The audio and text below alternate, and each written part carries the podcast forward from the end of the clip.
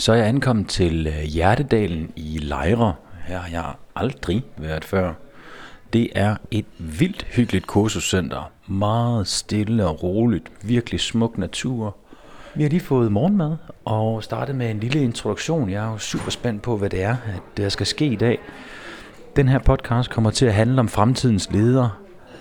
Hvad skal der til for at være en leder i fremtiden? Skal vi tænke helt nye baner?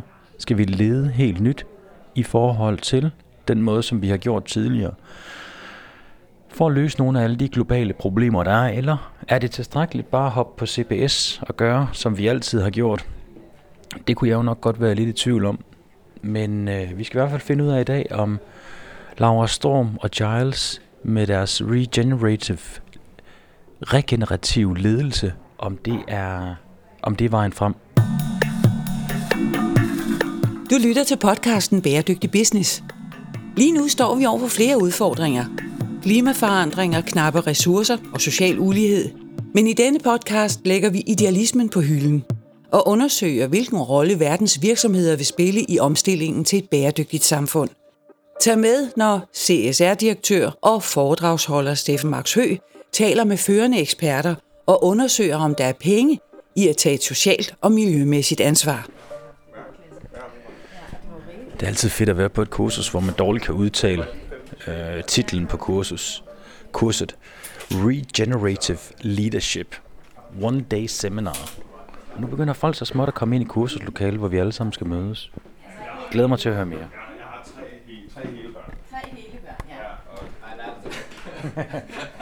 Is that a microphone? Yeah, it's a, it's a microphone. Yeah, it looks like uh, some kind of pet, right? Oh my god, I love it.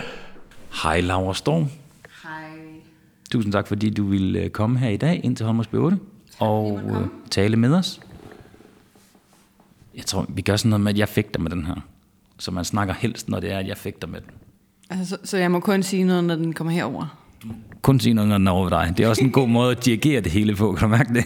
Ja.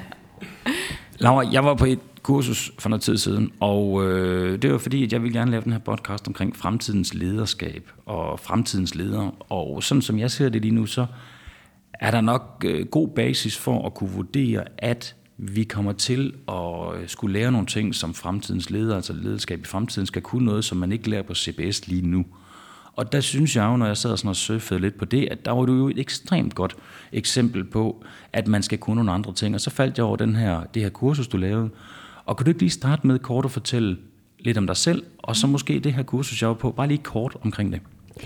Jo, jeg har, øhm, har arbejdet med bæredygtighed nærmest hele mit liv, havde jeg sagt. Det var en interesse, der, der, der blev spiret i mig, siden jeg var et barn, og startede med at købe stykker af regnskoven, og da jeg var færdig med gymnasiet, tog jeg derned og besøgte de stykker, og arbejdede for den NGO, som jeg havde købt, øhm, købt de stykker af regnskoven gennem. Og, øhm, og blev bare sådan, øh, det var en fantastisk oplevelse, du ved. Jeg gik rundt i Amazonas med, øhm, med sådan nogle øhm, stammeleder og lærte om planter, og vi genplantede træer, og vi sørgede for, at der ikke var nogen arter, der, altså træarter og plantearter, der uddøde ved at genplante dem. Og det var fascinerende, vildt spændende arbejde. Hvor gammel har du været her? Der var jeg 1920 år. Øhm, og jeg var 9-10 år, da jeg, da jeg lavede sådan en børnekampagne. Øhm, Jamen, det er da også bare med at komme i gang. Ja, præcis. Øhm, men, øhm, men da jeg var ude i Amazonas, selvom det var simpelthen så fantastisk, så var der også sådan en, den utålmodige del af mig, blev sådan lidt, altså, jeg ændrer ikke nok her. Jeg er nødt til at ændre ting højere op, og jeg er nødt til at forstå, jeg er nødt til at forstå den logik, der ligger bag de olieselskaber, som vi jo ofte så derude, fordi det var jo tit, vi overtog jo tit deres destruktion, havde jeg nær, nær sagt, ikke? Og, og begyndte at genplante træer der, hvor de havde været. Øhm, og havde sådan en følelse af, at jeg ændrer ikke noget, hvis ikke jeg, jeg, hvis ikke jeg bliver bedre til at forstå, hvad er det for nogle, en motivation, der ligger bag dem. Så jeg tog, jeg tog hjem, og så tog jeg til London, læste på business school der, læste på business school i København. Øhm, og startede så forskellige projekter. Det første var et stort projekt op til klimatopmødet i København, som, vi, som jeg var med til at starte for 13 år siden, som handlede om at involvere internationalt erhvervsliv i en, øh, i processen op til at få en ambitiøs klimaaftale og sætte fokus på, hvad er egentlig, hvad er the business case of a strong global deal? Hvad er ligesom, ja, hvad er, hvad er forretningsargumentet i at få en, øh, en global politisk aftale? Og der synes jeg jo virkelig, det bliver spændende. Først der. Au, det er... Ej, jeg synes også, det var ret spændende, at du som 18-19-årig rejste til, øh, til Amazonas. Jeg tænker, min datter, når hun bliver så gammel, jeg er altså ikke sikker, at hun får lov til det, men, men, øh, men det synes jeg er meget modigt. Nej, jeg synes, alt arbejdet op til COP15 er rigtig interessant, og det der med, når forretningsvinkelen kommer ind over, for der sker jo virkelig noget, det er jo ligesom præmissen her i bæredygtig business. Nej, fortæl endelig videre. Men der var, men der var også allerede der, og nu snakker vi jo over 10 år siden, en oprigtig bekymring fra, øh, fra direktører for store kinesiske og amerikanske energiselskaber. Hvordan, hvordan får vi hurtigt nok gearet vores produktion om til at være, dengang brugte man ordet grøn energi. Ikke? Øhm, hvad er den grønne økonomi, og hvad er vores rolle i fremtiden? Men selvfølgelig var der jo også en masse, der var bagstræberiske og, og prøvede at, at ståle hele processen. Og, og hele, selve det politiske topmøde i København var jo ikke nogen specielt køn, smuk affære.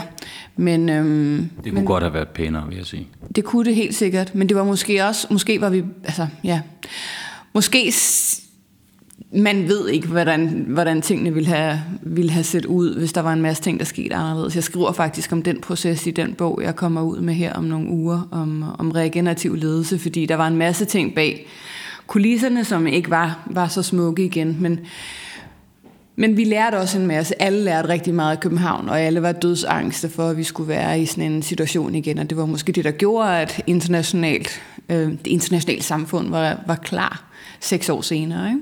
Men, men det er jo netop der, jeg synes, det bliver rigtig spændende, fordi at allerede for 10 år siden, hvor, hvor øh, at man var klar over, at der var nogle ting i gang, der skulle ske noget her, og der var der en, en lydhørhed blandt de diverse CEOs, nogen mere end andre naturligvis, men man vidste godt, der var et problem. Men alligevel så har vi ikke fået udviklet det der lederskab, der har taget fat om roden og fået gjort noget ved det. Vi er jo stadigvæk på vej ned imod noget, altså mildest talt meget, meget uheldigt, hvis man mm. kigger på klima og, øh, og hele miljøproblematikken lige nu. Så det her manglende lederskab, hvad er det lederskabet mangler i, i din optik? Øhm, så øh, er det relevant at sige, at jeg for fire år siden øh, fik en meget, meget voldsom hjernerystelse, der gjorde, at jeg nærmest ingenting kunne i halvandet to år. Jeg kunne bare være i stillhed, og jeg kunne være i naturen. Og, øhm, og for sådan en øhm, type A ildsjæl som mig, var det noget af en udfordring. Men det var også, øhm, det var også en fantastisk mulighed til at tænke over tingene og vende blikket indad på en helt anden måde, i stedet for bare at lade hovedet køre øh, derudad, og, øhm, og hele tiden være præget af denne her drivkraft, der også meget kommer ud af en, jamen jeg har kun i så og så kort tid, og jeg ved, hvad det er for nogle udfordringer, vi står overfor, men hele mit liv, det skal bare gå til det. Altså alle mine vågne timer, de bliver nødt til at gå med at gøre en forskel.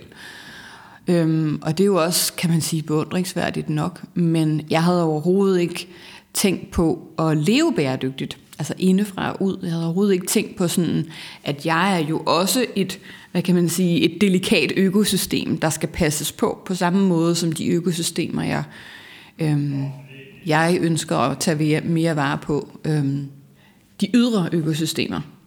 Og det fik man bare til at tænke på, på ledelse og på, på tendenser i kultur, altså i erhvervslivet, i organisationskultur på en helt anden måde. Øhm, og det her med, altså, hvis vi skal lykkes med en bæredygtig omstilling, så mener jeg ikke, at vi nogensinde kommer i mål, med mindre at vores ledelse er stærkt forandret i en, forankret i en indre bæredygtighed. Jeg mener, at det i virkeligheden er lidt bullshit, at de folk, der arbejder meget med bæredygtighed, taler utrolig meget om, at det er vigtigt, at vi bliver systemtænkere. Men, men, men det allervigtigste system, som i virkeligheden er vores eget indre system, er slet ikke med i den betragtning. This is the first part of the day where you are allowed to wear shoes. And we move to a different part. shoes are off. Are we allowed? It's just you can you are allowed shoes in here, but when we move into um, the sacred space, we take our shoes off. So are we all here? I would like you to sit comfortably and uncross your legs. Close your eyes. It's not a Det er jo virkelig spændende, fordi at man taler jo altid om, at det, er, det skal være økonomisk bæredygtigt, det skal være socialt, det skal være miljømæssigt bæredygtigt, bæredygtigt. Men her taler du jo egentlig om en fjerde type af bæredygtighed, at man er i en form for selvbæredygtighed. Ja, og det gør jeg. Altså, det, det er jo ikke kun det, jeg taler om. Øhm, det, regenerative ledelsesparadigme, som jeg underviser ledere i, ind, ind, ind, indeholder jo både cirkulær økonomi og biomimetik osv., men det indeholder også, øhm, hvordan vi lever og hvordan vi har det. Og det gør det, fordi at når du er meget stresset, og det er der rigtig mange ledere, der er, det er der rigtig mange i det hele taget, der er, Det må man sige, og du, kender, du forklarer jo også præcis typen på den her meget engagerede ildsjæl. Altså det er jo, øh, altså engagement er jo rigtig fint, men når det tilter over, så ryger mm. de over i stress. Og så er der som du siger, mange andre, der bare er stresset ganske almindeligt. Ja, og det er, altså, og det, det er absurd, hvor meget chefgange er, øh, er sådan inficeret med stress. Harvard Business Review laver de her udmærkede undersøgelser. Og øhm, en undersøgelse fra sidste år viste, at 98% af direktørgangene føler, at de, øhm, at de ofte er udbrændte. Og hvordan er udbrændte folk? Jamen udbrændte folk, de, eller stressede folk, når vi, er, når vi er i en stresset tilstand, så er vi i, i det her frys eller flugt, fight or flight mode. Vi er i jernbølgemæssigt, er vi i det, man kalder for high beta.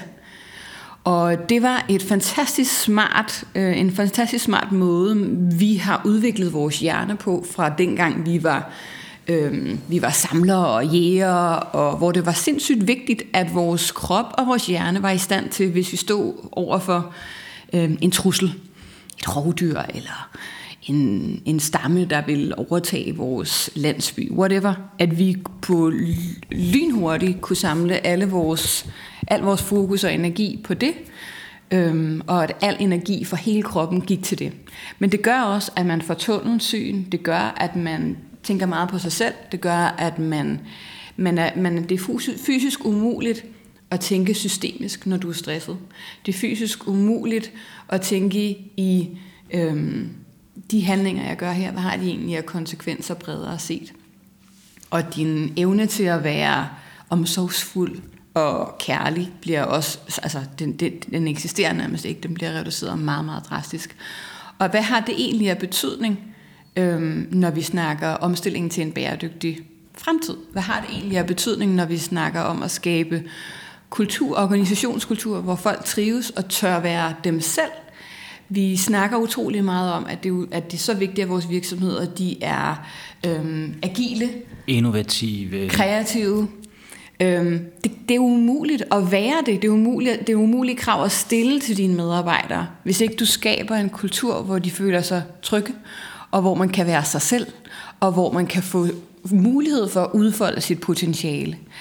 Der er sindssygt meget, øh, mange arbejdskulturer, som i virkeligheden er inficeret af stress og frygt.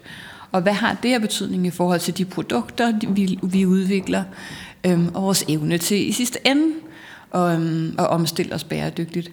Så man kan sige, det var sådan en lidt sådan en indsigt, jeg blev tvunget til at indse, fordi at jeg selv lige pludselig var i en enorm skrøbelig tilstand, og ingenting kunne, og blev nødt til at interessere mig for, hvordan hænger vores nervesystem sammen, hvordan... Øhm, jeg havde, jeg havde en, en nerve i klemmen, som hedder vagusnerven, som er den, der gør, at øhm, vi kan mærke, om der er fare på færre. Og fordi den var i klemme, så gjorde det, at jeg følte mig konstant angst i et års tid.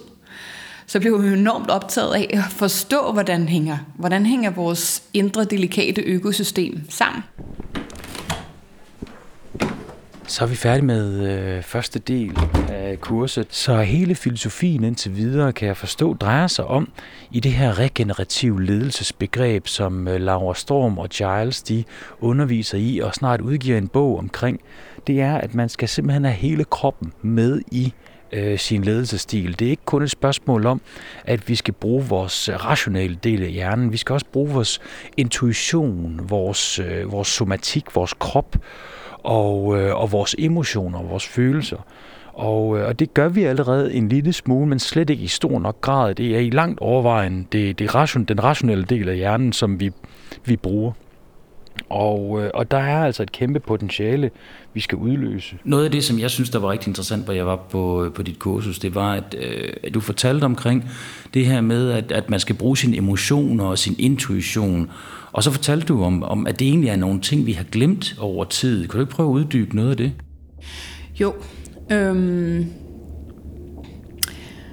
for at gøre en lang historie kort, så skete der nogle ting samtidig, som faktisk er ret interessant, som, som de fleste af os ikke ved for omkring 500 år siden. Øhm, samtidig med, at vi i Europa, i, over hele Europa, havde vi det, man kalder for den lille istid, som stod på i, i 80 år. Og, øh, og det gjorde, at der var sindssygt, virkelig, virkelig brutale vintre, men sommerne var også øh, kolde og våde, og det var utrolig svært at dyrke noget. Det vil sige, at der var rigtig mange, der begyndte at sulte, der var rigtig mange, der døde af sult, der var øh, sygdommen blev spredt hurtigt. Øhm, der begyndte at være en masse frygt. Og man gik fra at have levet med stor respekt for naturens visdom, kan du i virkeligheden sige.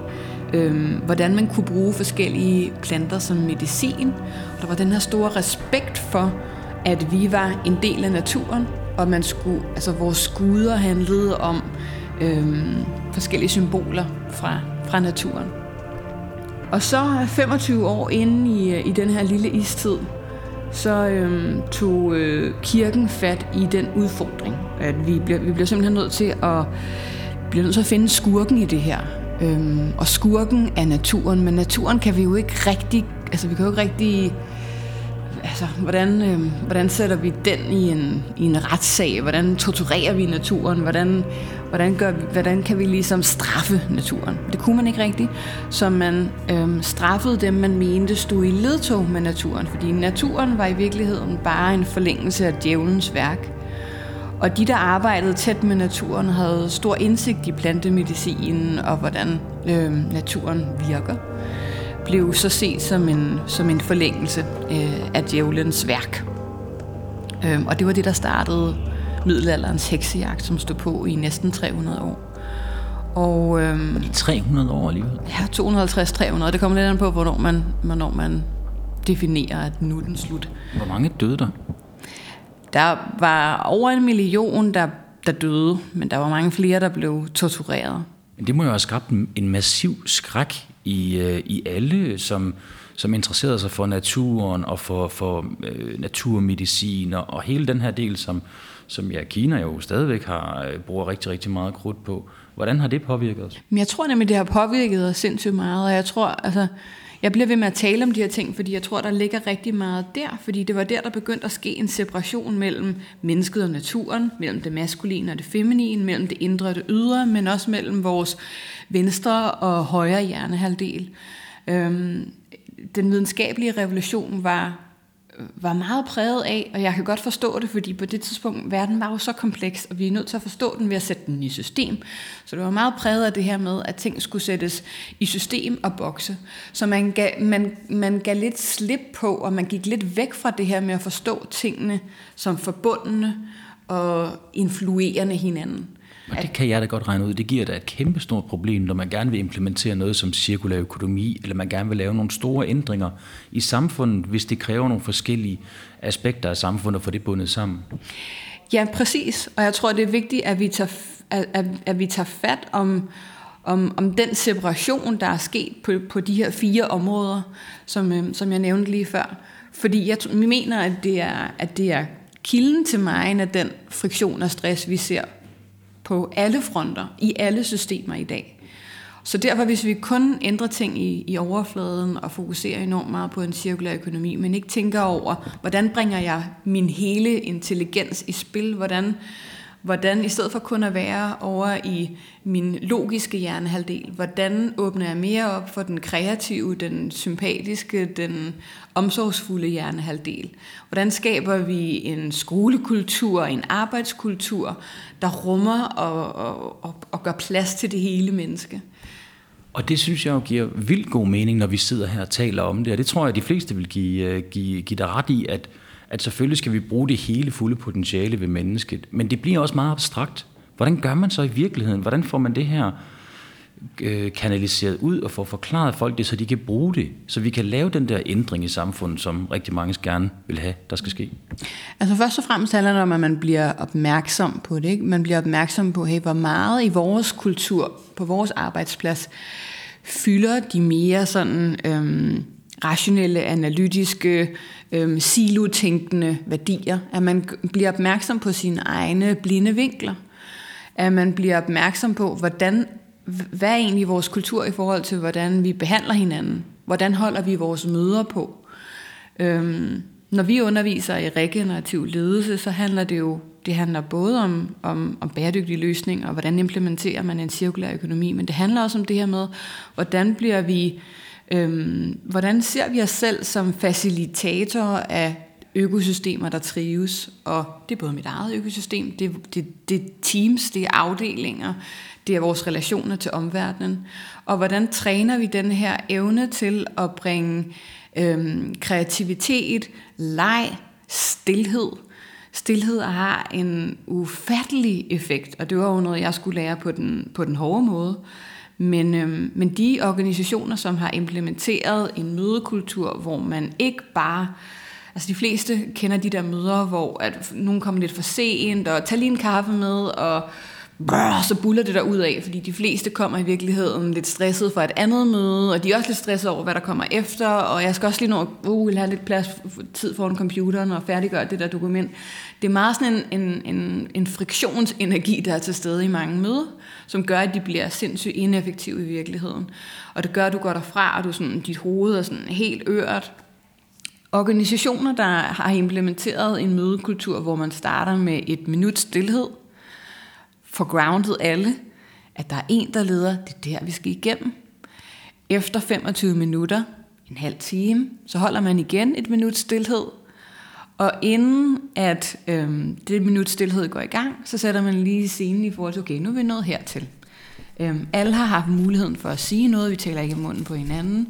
Nu har vi 10 minutter igen, hvor vi skal nå en konklusion om ABC. Men nu tager vi lige et minut stillhed igen.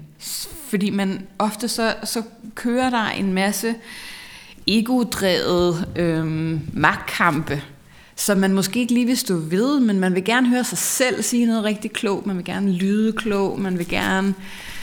Ej, jeg føler mig totalt ramt lige nu.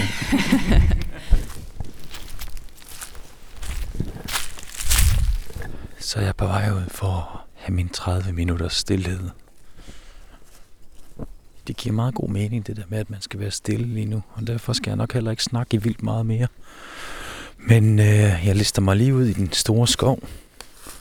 Altså, det er jo høj solskin, og fuglene synger, og ja, skoven den knaser, og det er forår. Man kunne nærmest ikke lave et bedre tidspunkt, eller et bedre sted for sådan et kursus. Nu skal jeg ud og, og prøve at bruge mine, øh, mine sanser mærke efter. Så skal jeg tænke lidt over det, vi lige har snakket om med, at, at øh, alt, hvad der sker, det foregår i, i en proces med, at noget springer ud, bliver til forår, kreativitet vokser, fortsætter i en i stigende grad, bliver til sommer, og det hele kører. Konjunkturerne er gode, det går godt i forretningen og i privatlivet. Så går der noget tid, og så begynder der at ske noget med, at noget går, bliver anderledes. Noget skal ligesom dø ud, for at det kan blive til vinter, så blive til efterår, eller blive til efterår, og så blive til vinter, og så kan der vokse noget nyt ud igen. Det er altså meget, øh, meget flydende, men en meget sjov tanke at tænke, og ikke mindst en, øh, et sprog for meget af det forretning, jeg har lavet i mit liv, og de innovationsprocesser, jeg har været igennem, de teams, jeg har været en del af, hvor det er gået godt. Vi har lavet nogle projekter, og på et tidspunkt så manglede der noget energi. Så skulle der vokse noget nyt frem. Nu har jeg fundet mig et perfekt træ. Det vil jeg sætte mig op af. Jeg håber ikke, der er for mange, der har tisset der igennem tiden. Hvor går man så hen, hvis man gerne vil vide noget mere om fremtidens lederskab? Nu kunne du jo godt nævne din bog. Altså jeg mener jo, at min bog er et bud på øh, en holistisk form for ledelse, som netop ikke kun handler om... Altså jeg kan også blive sådan lidt træt af det, man, det, man kalder autentisk ledelse. Det er virkelig vigtigt, at vi er autentiske, det er ikke det. Men det kan blive enormt sådan navlebeskuende, og det kan blive enormt sådan indadvendt. Øhm, det, er en meget, det er meget vigtigt for mig at, at komme frem med den pointe, at det, det handler om, at vi først og fremmest ja, selv er hele mennesker, fordi ellers så kan, så kan det være lige meget, fordi så bliver vi med, ved med at lave ravage, hvor end vi er, hvis ikke vi, vi er sunde i os selv. Men hvis det stopper der, så, øhm, så, er det, så er det bare ikke nok. Altså, så kan vi have de her organisationer med såkaldt autentiske ledere, der skaber gode arbejdsklimaer, men hvis ikke vi også tager hånd om, øhm, hvordan vi producerer produkter og løsninger og services, så, øhm, så har man kun ligesom forstået halvdelen. Ikke? Og, og også den anden vej rundt, hvis man kun fokuserer på cirkulær produktion, men, men man har det i virkeligheden elendigt, når man går på arbejde, og man er stresset, så er det igen, så har man kun forstået halvdelen. Så det er den her måde at tænke holistisk, og også forstå, hvordan de hænger sammen. Og, hvor, og, og din evne til, når du begynder at forstå naturens intelligens og systemer, den måde, hvad er i virkeligheden livets logik, øhm, og hvad er det for en logik, livet har udviklet sig på i de øh, 3,8 milliarder år, livet på jorden har eksisteret. Hvis vi begynder at forstå den, og begynder sådan at hvad kan man sige, reclaime det, vi tabte for 500 år siden, og begynder at skabe en højere grad af sådan nu lyder jeg måske meget esoterisk, men skabe sådan en, en, en healing mellem det indre og det ydre, den venstre, den højre hjernehalvdel, det feminine, det maskuline. Vi rummer over alt sammen, både det feminine og det maskuline. Jeg er selv et eksempel på en kvinde, som har været øh, meget mere i mine maskuline øh, kvaliteter end min, end min feminine, og det var den ulykke, jeg var igennem, der, der skulle til, for jeg ligesom gik ned og begyndte at tage mere hånd om det feminine. Hvis ikke vi sørger for den healing på de fire områder, øh, det sidste er mennesket og naturen, så, så tror jeg ikke på, at vi lykkes med at skabe den omstilling, der skal til i tide. Øhm, jeg synes, det er meget inspirerende, og jeg kan, øh, jeg kan sagtens følge ved det, du siger. Jeg synes, det lyder som et meget, meget stort stykke arbejde, og det, det, det starter naturligvis et sted. Kunne du måske lige have til sidst kastet lys over nogle af de sådan, konkrete ændringer, du har lavet i dit liv efter, at du slog hovedet og var tvunget til at tænke dit liv anderledes?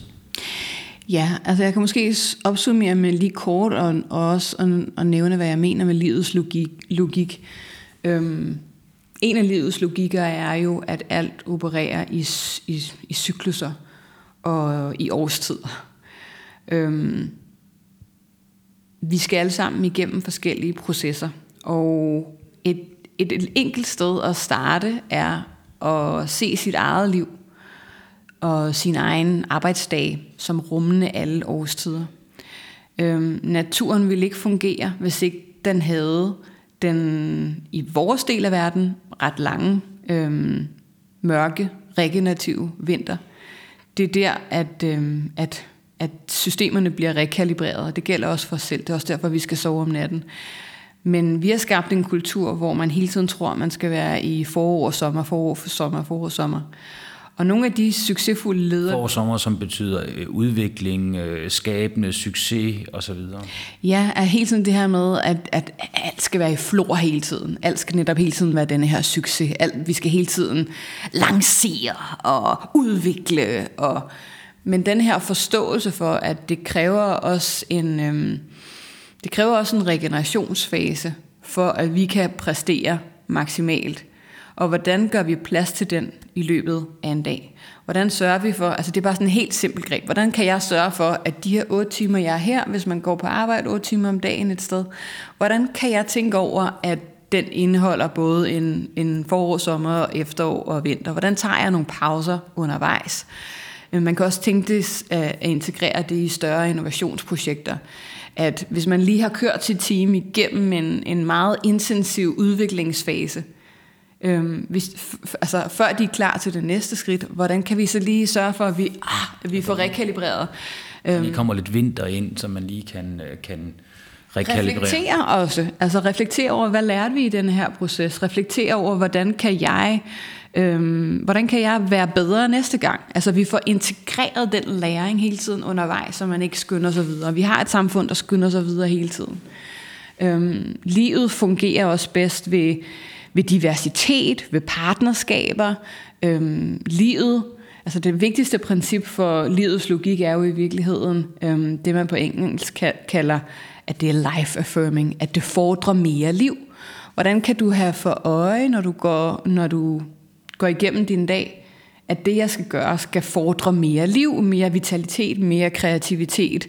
Øhm, det skal være regenerativt i stedet for degenerativt. Det skal ikke være destruktivt, det jeg gør. Og det kan både være i den dialog, du har med en kollega over kaffemaskinen, det kan være den måde, du har et møde på, det kan være de beslutninger, du tager om, hvordan du skal producere det næste produkt. Øhm, det kan være den måde, du behandler dine børn på. Og have den her forståelse for, at alt jeg gør, alt jeg gør, skaber ringe i vandet, som er enten positiv eller negativ. Og det er en illusion at tro, at vi kun kan skabe ringe i vandet, der er positiv, fordi vi er mennesker, vi fejler, øhm, og sådan er det. Det handler også om at rumme sine fejl og sine skyggesider osv. Men hvordan kan vi have et mere holistisk blik på den, på den måde, vi interagerer i verden på, og i virkeligheden et mere systemisk blik, og se på det som, at vi alle sammen er en del af det her web of life, og hvordan er det, vi behandler de tråde af det her æderkoppespind, vi har berøring med, og hvad er det for et aftryk, vi dermed sætter? Giver det mening? Det giver, det giver super god mening. Og jeg vil faktisk glæde mig til at lytte det igen, men det giver rigtig, rigtig god mening, at vi går igennem en masse forskellige faser i vores liv. Og det skal man også tænke på i sin dagligdag, når det er, man planlægger øh, både sit arbejde, men også når man planlægger aktiviteter med sine kollegaer. Tusind tak, fordi at øh, vi må snakke med dig, Laura, og have en rigtig god dag. Selv tak, det var en fornøjelse.